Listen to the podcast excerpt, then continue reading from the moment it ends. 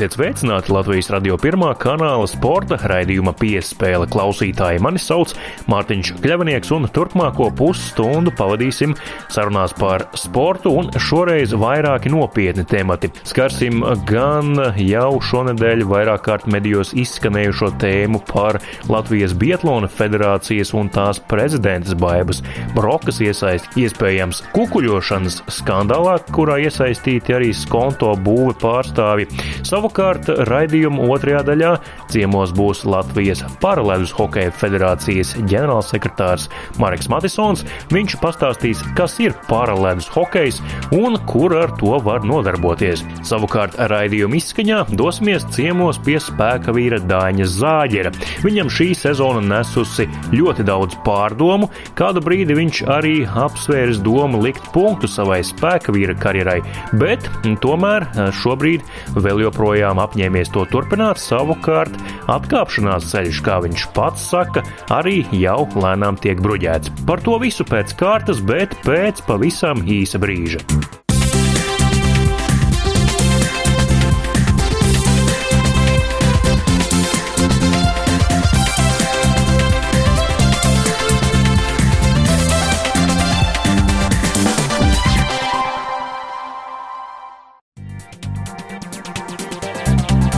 Jūs klausāties Latvijas radio sporta raidījumu piespēle studijā Mārtiņš Kļavanieks, un sāksim šo raidījumu ar visnopietnāko no tematiem. Šonadēļ 48 stundas tā sauktajās septītajās debesīs, jeb korupcijas novēršanas un apkarošanas biroja īslaicīgās aizturēšanas izolatorā pavadīja Latvijas Biatlona federācijas prezidente Baiba Broka.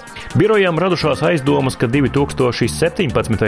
gadā Biatlona federācijai ziedot tie 20 tūkstoši eiro varētu būt ieskaitīti šīs te organizācijas kasē ar pavisam citu mērķi, nevis palīdzēt Bietlonam Latvijā attīstīties. Proti, tas varētu būt bijis kukulis. Baiba Broka gan šādu te iespējamību kategoriski noliedz, ka naba pagaidām joprojām turpina izmeklēšanu. Savukārt Latvijas radio sporta raidījums piespēle devās pie izglītības un zinātnes ministrijas sporta departamenta direktora Edgara Severa, lai skaidrotu to, kā šāds te skandāls varētu ietekmēt turpmāko ziedotāju uzticību sporta nozarei kopumā. Latvijas radio pirmā kanāla sporta raidījums piespēle atnāca ciemos uz izglītības un zinātnes ministrijas sporta departamentu pie tā direktora Edgara Severa un uh, runāsim par uh, pēdējā laika notikumiem, kā tas varētu atsaukties uz sporta, proti diezgan liels skandāls saistībā ar Baibas Brokas un skonto būvis saistību, Gunta Rāvi iespējamo kukuli. Faktu vēl zināmo ir maz, bet Edgaram jautāšu to, kā tas varētu jau tagad atsaukties pat ar nezināmiem faktiem uz sporta nozari. Vispirms jau sveiki, Edgars. Mm -hmm. Sveicināti. Protams, ka es nevaru komentēt konkrēto gadījumu, jo mums nav zināms, pat teikt, tie pat nav fakti. Jo fakts ir tad, kad tas ir pierādīts un neapgāžams. Tā publiska informācija, kas ir mūsu rīcībā, ir tā pati, kas ikvienam radioklausītājam, tā, tā kas ir mēdījos ir izskanējusi. Nu, ja man tā jāsaka, protams, kopumā ir ļoti skumji, kad vārds sports un sporta nozare un konkrēti federācija tiek saistīta ar iespējamām nelikumīgām darbībām, jebkādas, lai tās būtu. Tas var mazināt uzticību ziedošanas sistēmai sportam kopumā. Ja mēs skatāmies kopumā, tad mēs varam teikt, ka mēs viennozīmīgi pievienojamies korupcijas novēršanas apkarošanas biroja publiski paustajam, ka ziedošana sabiedrības labuma organizācijām, tā skaitā var būt sporta vai kultūras vai kāda cita nozare ir vērtējama kā sociāli atbildīga rīcība. Nedrīkst ne, ne saņemt, ne prasīt uh, ziedojumu, ja tas ir ietekmējis šīs personas lēmumu pieņemšanu. Nu, lūk. Es negribu komentēt konkrēto gadījumu, tam līdzīgi, jo, lai saprastu, tie ierobežojumi, kas pieminēja no likuma, tajā nav krimināla atbildība.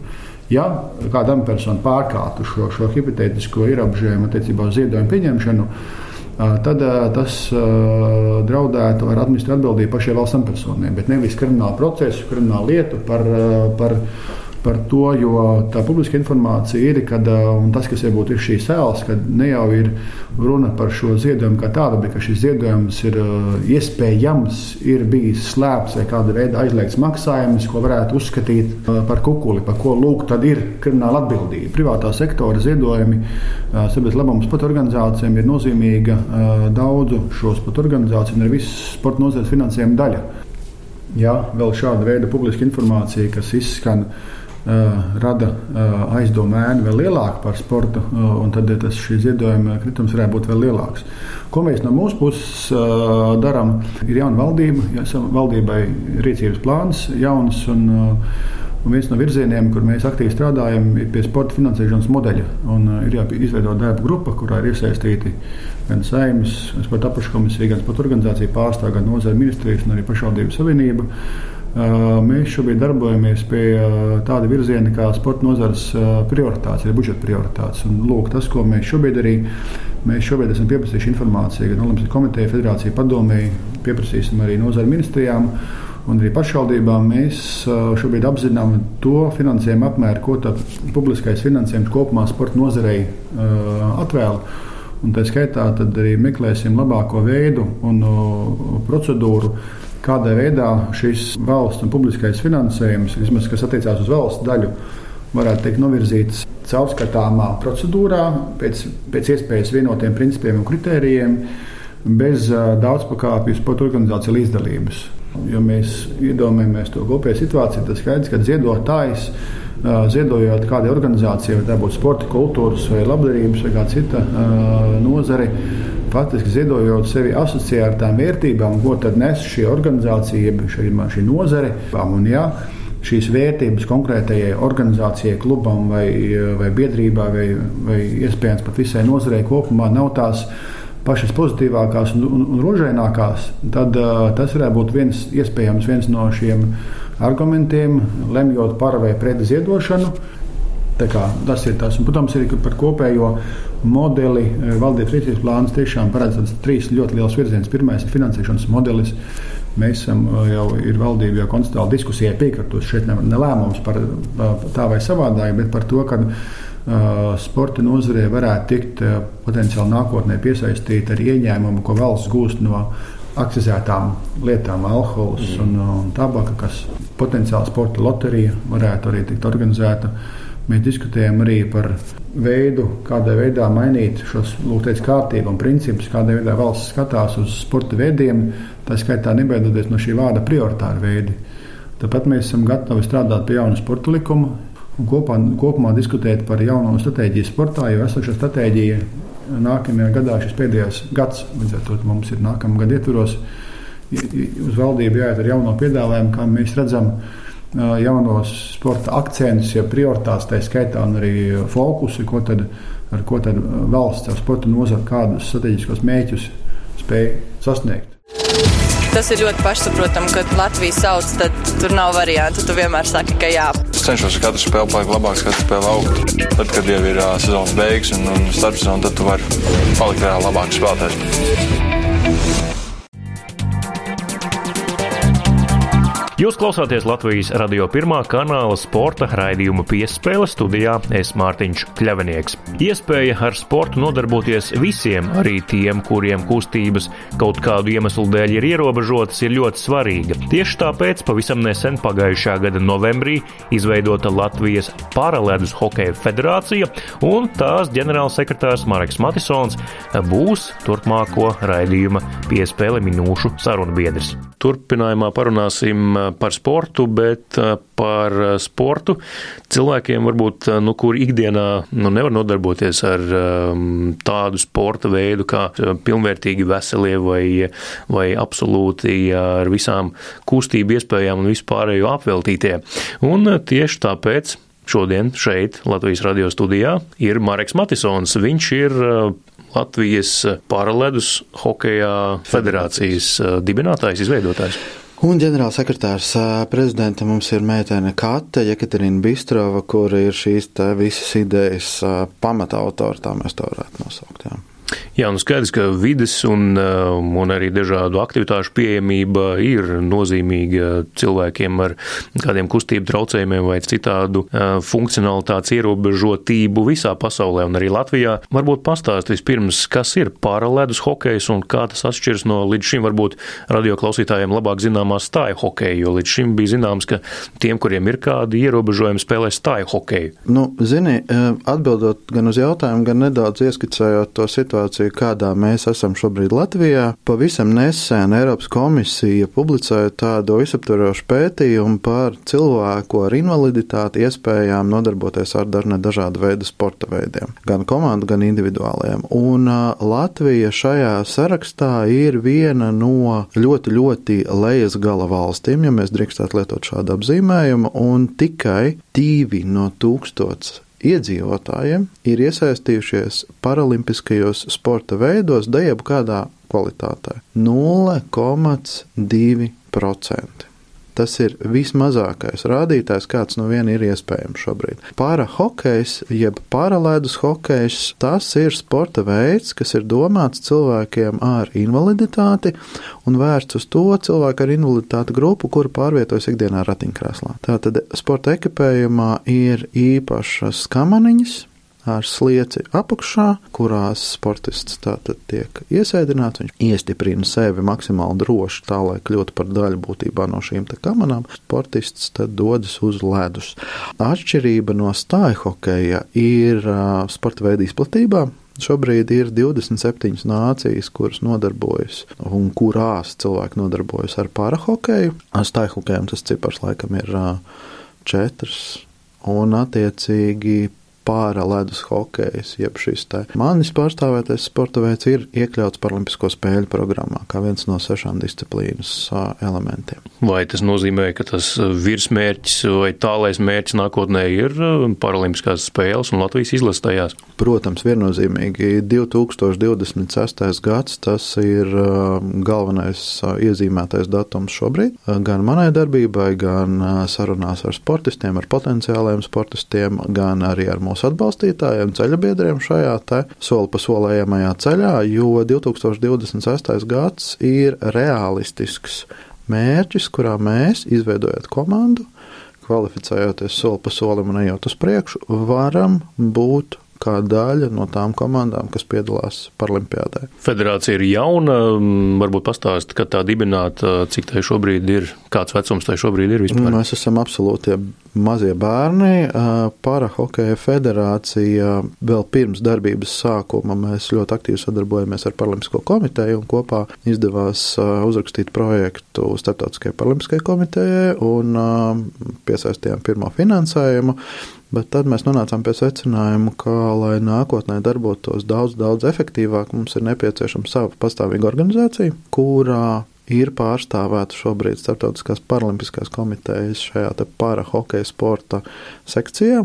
Nu, un tad, attiecīgi, janvāris bija tas brīdis, kad mēs guvām šo oficiālo akreditāciju ar uzņemšanu. Kas ir tie pirmie soļi, lai vispār uzsākt? Jums skaidrs, ka ir jāpopularizē, vai vispirms jau jāpastāsta Latvijas tautai, kas ir parahokejs, kādi ir tie pasākumi, kanāli, ar kuriem jūs sasniedzat potenciālo auditoriju? Patiesībā sakot, ļoti dažādi, gan ar to, ka mums brīnišķīgi izdevās pārliecināt kolēģis no viena Latvijas telekomunikāciju uzņēmuma, kur savā hokejam veltītajā televīzijas kanālā parādīja pasaules čempionāta parahokejā finālspēli. To noskatījās vairāk tūkstošu auditoriju, un, un, un cilvēkiem tagad, nu, vismaz kādai mazai daļiņai Latvijas iedzīvotāji ir drusku iespējas par to, ko nozīmē parahokejs.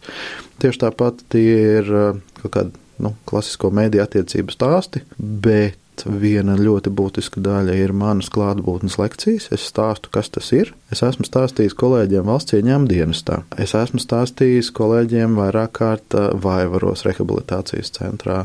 Nākamajā sestdienā tur notiek kolosāls un ļoti apmeklēts vienmēr pasākums Active Wheels, paralimpiskā sporta diena ar sportu uz veselību vai caur sportu uz veselību. Pulcēja katru gadu tur vairākus simtus cilvēkus ratiņkrēslos, un arī šogad Attiecīgi mēs izmantosim to iespēju tur būt. Gan demo dienas, gan, protams, arī nu, šie sociālajie mēdīji, ja, kā mēs zinām. Tur paldies, teiksim, Latvijas Hokeja federācijai. Viņi mūs uzaicināja ciemos pie sevis savā pēdējā treniņā pirms viņu lielā pasaules čempionāta. Mēs izveidojām mazu skaidrojošu video par to, kas tad ir para hokejs, un tajā dienā, tad, kad mēs šo video nopublicējām, bez jebkādiem īpašiem rīkiem vai viltībām. Tas sasniedza vairāk nekā 15,000 skatījumu uzreiz vienas dienas laikā, kas man liekas ļoti labi. Cilvēkiem ir nedaudz apjausma par šo sporta veidu, kas jau arī ir tas būtiskais, jo ļoti pareizi minēja, ka viena no tām nu, pirmajām lietām, kas ir, ir vienkārši jāizstāsta, kā tāds sporta veids eksistē. Es raugos uz vairākām pilsētām Latvijā, kurās ir mazās reģionālās hokeja halas. Domāju, es sodīts, ja, ja šajās halēs būtu padomāts par to, ka visur ērti var nokļūt cilvēkus ar ratiņkrēslu, tad automātiski atrisinās problēmas arī visām ģimenēm ar bērniem un jaunajām māmiņām, kas grib atnākt ar savu mazuli, jo šobrīd nu, mazās halas reģionos, diemžēl, nav tādas, kurās tu varētu ar ratiem visur nonākt un, un, un, un labi atpūsties. Ja. Tu droši vien esi līdz ar to arī pētījis, kā ir ar ergonomiku Latvijas hokeja halēs. Ap 20 to mākslīgo haļu šobrīd ir mākslīgā ledus haļu Latvijā. Nu, cik vispār no tām ir tādas, kurās šobrīd var iet un nodarboties ar paralēlus hokeju. Tagad tu man pajautāji kaut ko tādu, kas man iespiež stūrī, man ir jāveido labas attiecības ar visiem haļu īpašniekiem. Tagad es tā īsti nevaru. Ne, tas jau nav nosodījums viņiem vienkārši. Nu, kur šobrīd ir tā vide, kur tu vari ne, iet un spēlēt? Es, e, es, es pateikšu no otras puses. Tā vieta, kura šobrīd ir absolūti perfekta, ir tirniecības centrs Akropola un viņu ledus arēna iedarbina šo ierīci, nolaidies līdz ģērbtuvei, iebrauc, pārģērbies un brauc ārā uz ledus. Tur viss strādā. Visur citur ir nepieciešami lielāki vai mazāki uzlabojumi. Jā, ja nu šobrīd mūs uh, klausās kāds uh, cilvēks ratiņkrēslā, kuram ir hokejs sirdī un, uh, un vēlas, viņš ar to arī nodarboties. Viņ, viņam ar tevi jākontaktējas, kā, Jā. viņš, kā viņš var uh, sākt šo savu nodarbi. Pirmais solis ir atrast uh, paralēdus hokeju kādā no sev ērtajiem sociālajiem tīkliem. Tad top šī tīmekļa vietne, kas būs pavisam, pavisam neatkarīga. Var droši rakstīt ziņas privāti man. Mans tālrunis ir uh, visur internetā atrodams, un tur galīgi nav sarežģīti. Marks Matisons. Un, uh, Pēc šāda vārda uzvārda ir tikai viens cilvēks Latvijā, kas ir saistīts ar uh, parahokeju. Bet jā, um, dažne dažādi veidi sociālajie tīkli, un, protams, uh, mēs noteikti varam tikties jau pavisam drīz šajā sestdienas pasākumā, nākamajā nedēļā, 20. datumā, Paivaros. Un es būšu arī citos rehabilitācijas centros visā Latvijā līdz pat septembrim, un savukārt septembrī Rīgā notiks starptautiskās treniņu nometnes un apmācības ar ārvalstu ekspertiem, kur mēs rādīsim, ko tad nozīmē parahokejs. Aicināsim arī tevi izmēģināt to visu. To var arī absolūti funkcionāls cilvēks mēģināt darīt. Protams, protams mm. pamēģināt var visi. Tajā brīdī, tad, kad es pirmoreiz iesēdos šajās parahokeja kamanās, es to darīju ar mērķi, lai saprastu, kā es pēc tam labāk varu ieteikt, teiksim, kolēģim, savam komandas biedram, draugam pārvaldīt šīs te kamanas. Ja? Tāda lūk saruna ar Mareku Matisonu, Latvijas Paralēdas Hokeja federācijas ģenerālsekretārs. Tikai ģenerālsekretārs. Paliksim pie tā. Mareks Matisons šodien bija Latvijas radiosporta radījuma piespēle viesis, nu tad ceram, ka drīzumā jau izaugs tāds kupls pulciņš ar regulāriem paralēdus hokeja spēlētājiem, kas vēlāk līdz ar to varēs arī noformēt iespējams olimpisko izlasi. Paldies! Es ļoti gribētu, lai tas tā ir. Turpina skanēt Latvijas radio pirmā kanāla sporta raidījums Piespēle. Kurš ir Latvijas stiprākais vīrs? Tas ir jautājums, ko grūti noskaidrot, jo viens ir stiprāks psiholoģiski, cits stiprāks tieši fiziski. Savukārt, ja runājam par fizisko spēku, tad viens no stiprākajiem vīriem visā Latvijā varētu būt Dainis Zāģeris. Viņš ir profesionāls spēka vīrs, divkārtējs spēka vīru čempionu līgas uzvarētājs, šo titulu izcīnot arī pagājušajā gadā gadā. Tomēr šī sezona viņam atnesusi vispirms jau ļoti smagu traumu, tad operāciju, tagad arī atlapšanas procesu, bet Dainis Zāģers plinti krūmos nevet un joprojām grib turpināt savu spēku vīru karjeru un vēl šo sezonu paspēt arī aizstāvēt pagājušās sezonas Čempionu līgas titulu. Saruna ar spēka vīru Dainu Zāģeri raidījuma piespēle turpinājumā. Latvijas radio sporta raidījums piespēle ir Rīgas centrā atbraucis uh, ciemos uz vienu sporta zāli, kas ir tādā, nu, tādā pilsētvidas, urbānā stilā iekārtota. Šeit var pamēģināt, kā ir trenēties spēka vīram. Nu, skaidrs, ka ne ar tiem svariem, ar ko īstie spēka vīri trenējās un ko viņi ceļ sacensībās, bet nu, vismaz izbaudīt niansētību, kā tas ir spēka vīra sacensībās un ar ko gan labāk runāt par šo visu, ja ne ar Latvijas labāko, iespējams, spēcīgāko vīru un labāko spēku vīru Dainu Zāģeru. Sveiks, Daini! Jā, sveiki! Jā. Prieks ir uzņemt arī jā, mūsu telpās, kur mēs varam arī nu, piedāvāt arī pārējiem cilvēkiem, ne tikai vīriešiem, bet arī sievietēm. Domā arī uzsākt arī bērniem kaut kādas fiziskās sagatavotības, tādas nodarbības, bet tas droši vien vairāk būs ar kaut kādu septembri.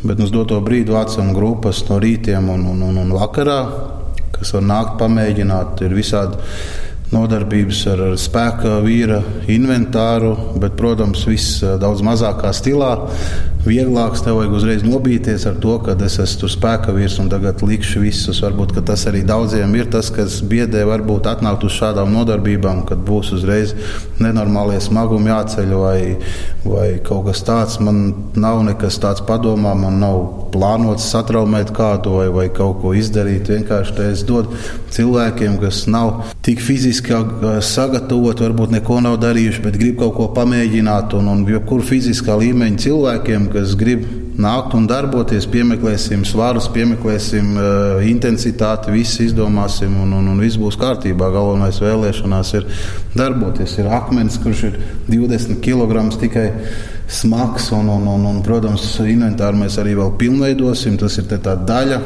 Jā, nu, šobrīd mēs arī šeit sēžam uz divām riepām, un uh, šeit riepu vēl ir daudz. Tādu klasisko svaru dienas nemaz šeit neredzu.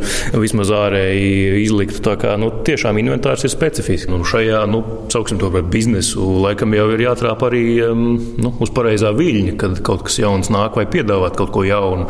Atceros, nu, pirms dažiem gadiem crossfits bija absolūti nu, modes lieta tiem, kuri vēlējās izkustēties. Nu, iespējams, ka šis te nomainīs crossfitu vai vismaz nāks eh, paralēli tam? Tas skatoties kā grupa, mēs tagad taisām tādas tā kā grupu nodarbības, un līdzīgs kaut kas jau būs.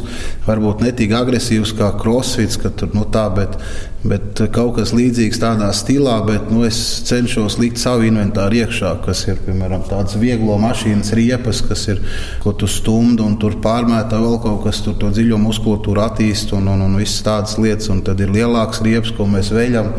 Ir tie paši nēši, ir čemodāni, tur mums arī vikings ir, re, kur lūdzu, tur ir baļķīts, kas sver tikai apmēram tukšs. Nu, viņš varētu būt 8 līdz 10 kg. Tur man nāk sievietes un, un smalciņas sievietes arī cilā to baļķi un nekādas problēmas nav. Tas ir kaut kas varbūt savādāks. Arī ir jādomā par to, ka nu, man arī ir iet. Uh, gadi uz priekšu, un, un, un ir ļoti daudz traumas, ir bijušas. Un, un, un Arī šis gads ir smagi iesācies ar ļoti smagu traumu un, un, un, un, un ļoti lielām tādām pārdomām. Šis ir tāds, nu, viens no tādiem projektiem, kas varētu tā bruģēt man to atkāpšanās ceļu no, no tā lielā, varbūt sporta. Protams, iedomājieties, ir nu, grūti aptvert to, bet nu, kaut kādā brīdī droši vien, kad būs jāspēr tas solis, šogad vēl ir plāns tas, ka nu, gribu tikt atpakaļ vēl Eh, sacensību līmenī. 25. martā bija operācija Ahilējam, bet, eh, protams, man ir eh, ļoti labs ķirurgs Vitols Jurkevičs, kas ir orto klīnikā, un viņš uztaisīja man ļoti labu operāciju. Vēl nav tas īkram, tas, tas spēks, kad es nevaru pacelties uz to kāju pirkstu galu. Un, un tas, bet nu, es biju jau trīs nedēļas atpakaļ, biju eh, Holandē, jau startēju, it kā viss vingrinājums izdzīvoja. Bet saplēsu otrai kājai muskuli, audzējot šito kāju, saplēsu otrai kājai muskuli. Līdz ar to tad... nevienmērīgs slodzi uz abām kājām. Nu, jā, un, un, un tad uh, vēl pie tāda vingrinājuma, kur vispār nedomāju. Tur bija vikings, kur jānoliecās, bija tā skaņa, kas notikās uz to brīdi, bija tā, ka nu, jau. Kad Laikam man ir vispēdējās sacensības, un, un domāju, ka, ka tas jau viss jau tās traumas šitā sezonā ir ļoti nogurdinājušas, un, un domāju, ka jau nu, viss. Bet tad aizbraucu, paskatījos ultrasonogrāfiju. Tad tur ir tāds neliels plīsums, ka tur nav tik traki, ka viņš sadzīs, neko nevajag darīt, tikai bišķi vajag laiku. Nu, tagad eh, mēģinu tagad atiet atpakaļ no visu šī tā te, un tagad jūlijā atteicu visas sacensības, varēju braukt arī uz Kanādu.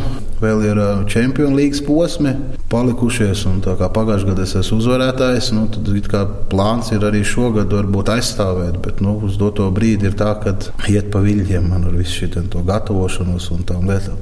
Tā kā, jā, tā kā arī šis gads, man, piemēram, arī ir nu, diezgan smags. Bija brīdis, tas, kad jau būtu jau šogad jau arī beidzis. Pēc katras tādas operācijas cenšos, nu, pēc katras traumas cenšos pēc iespējas ātri ielikt iekšā. Mm. Un tad bija tā, ka bija problēmas, kad audzējot atkal treniņos labo vesu, nu, operēto kāju, spiedu uz labo kāju un aizgāja arī viss viss tas stāsts arī uz muguras. Līdz ar to mm. sāka vilkt mugurā un aizbraukt uz zāli. Pat nevar izvilkt 140 kg. Nu, tas, ja tu strādā nu, uz svariem ap 300 līdz 350 kg, nu, darba svaru pāriet uz 140 un atkal tas ir nu, sportistam. Es jau kā treneris visu to saprotu, ne, kas mm. tur ir un kā ir kas jādara. Bet tā kā sportistam tev atkal ir ļoti grūti pieņemt to, ka tu strādā jau treniņos, strādāja 300, 350 kg, un tagad tev jāstrādā ar 140 kg. Tas tā grūti ir uzreiz psiholoģiski to visu pieņemt. Bija tāds, tāds vien tāda diezgan smaga nedēļa, kad bija tāds pārdoms, un, un tiešām, bija uz tāda sliekšņa, kad varētu laikam viss, nu, jāliek ir punkts, viss. Nu, tad man zvanīja viena kārta sieviete, viņa ar powerlifting nodarbojās. Viņa teica, bet tu taču man to pašu teici, man, tu taču man teici, nu, kad ir jāiet, ir jādod iekšā, ir jādod virsū, nu, kad motivēji un, un, un kad tu motivēji, un tagad šo to nu, pat akmenis citreiz ieplīst. Un, un, un varbūt vajag varbūt kaut kādu palīdzību no malas, kas te varbūt bišķiņ pastumd un, un, un, un pabakst. Un, un tā. Bet, protams, tas bija tāds varbūt laika laika vājums, kas uznāca. Gribu un arī ģimenē es esmu pateicis to, ka es gribu vēl šo sezonu nostartēt līdz, līdz galam, censties arī aizstāvēt savu to Champions League titulu. Divi tituli ir Radzikovskim, divi tituli ir Židrunasam, nu, un uz doto brīdi arī man divreiz ir uzvarēta Champions League. Tā kā, nu, Beigforši varētu vinēt. Nu, Ierakstīt savu vārdu vēstures lapusēs. Nu, jā, tas būtu tāds arī tāds. Nu, ļoti labs šī gada varbūt punkts šitam, ne, ne, šitai neveiksmīgai, varbūt ne, neveiksmīgajam sezonas sākumam. Pavisam pirmās ir Latvijas eh, čempionāts baļķu celšanā. Tas ir 27. jūlijā, būs Rīgas eh, centrāla tirgu, kur nu, ir plāns uh, mēģināt labot arī paš, pašam savu rekordu, kas ir mums doto brīdi 200 kg Jā, tā kā jāvēl izdošanās, sasniegt mērķus un atgriezties. Tas bija Dainis Zāģeris sarunā ar Latvijas radio pirmā kanāla sporta raidījumu piespēli. Mēs esam vietā, kur viņš uh, ierāda cilvēkiem spēku vīru vingrinājumus tādā minimizētā formā, ne tik lieliem svariem, bet tomēr specializēts. Paldies, Daini, par šodienas sarunu. Un tad varbūt vēlreiz, ja radio mūs klausās kāds interesants, kur tad, ja viņš grib pamēģināt kādu spēku vīru vingrinājumu, viņam jādodas. To var atrast mums ir um, Facebook Facebook lapa, arī tāds M8 ar nodarbību saucās Dod iekšās. Un arī ir uh, interneta lapa treniņi.lv, bet, ja kādam arī kāds tieši interesējās par visu to, viņš var rakstīt man Facebookā personīgi Dainam Zāģerim. Laipni lūgti Matīs iela 8 uz, uz, uz nodarbībām un dodam iekšā. Facebookā un, vai Instagramā, kas tagad ir droši vien vispopulārākais, un, un, un rakstat un, un prasat. Un es domāju, ka piemeklēsim jebkurai fiziskai sagatavotībai, jebkuram cilvēkam, sievietei, vīrietim, to piemērotāko slodzi, ar ko viņš var strādāt un darboties. Tālāk, Dainis Zāģers, vai vēlam veiksmu un izdošanos gan uh, jaunatvērtajai zālē, gan pašam uh, sasniegt tos vēl mērķus, kas profesionālajā sportista karjerā ir uh, atlikuši nepiepildīti, un galvenais - veselība. Vēl joprojām neesmu salaužams. Paldies par sarunu, Daini, un lai izdodas! Nu, paldies, jā, paldies, kad uzaicināji. Cerams, ka tikai uz priekšu.